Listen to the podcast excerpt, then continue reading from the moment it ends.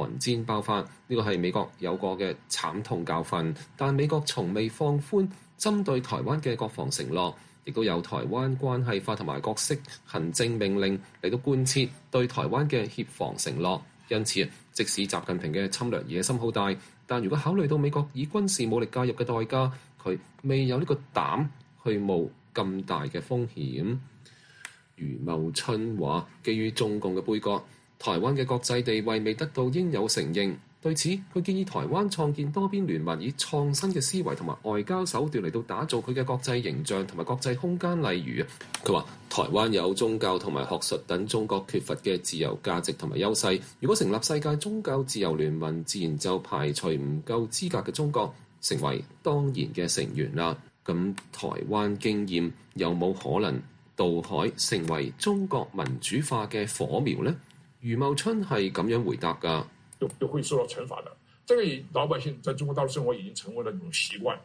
但这种习惯，这个习惯在每个专制制度里面都有啊，但是并不见得就是一种根深蒂固的人的本性，人的本性我觉得都是一样的，所以说美国的这个。佢话中国老百姓好多基本嘅政治诉求都唔敢去表达，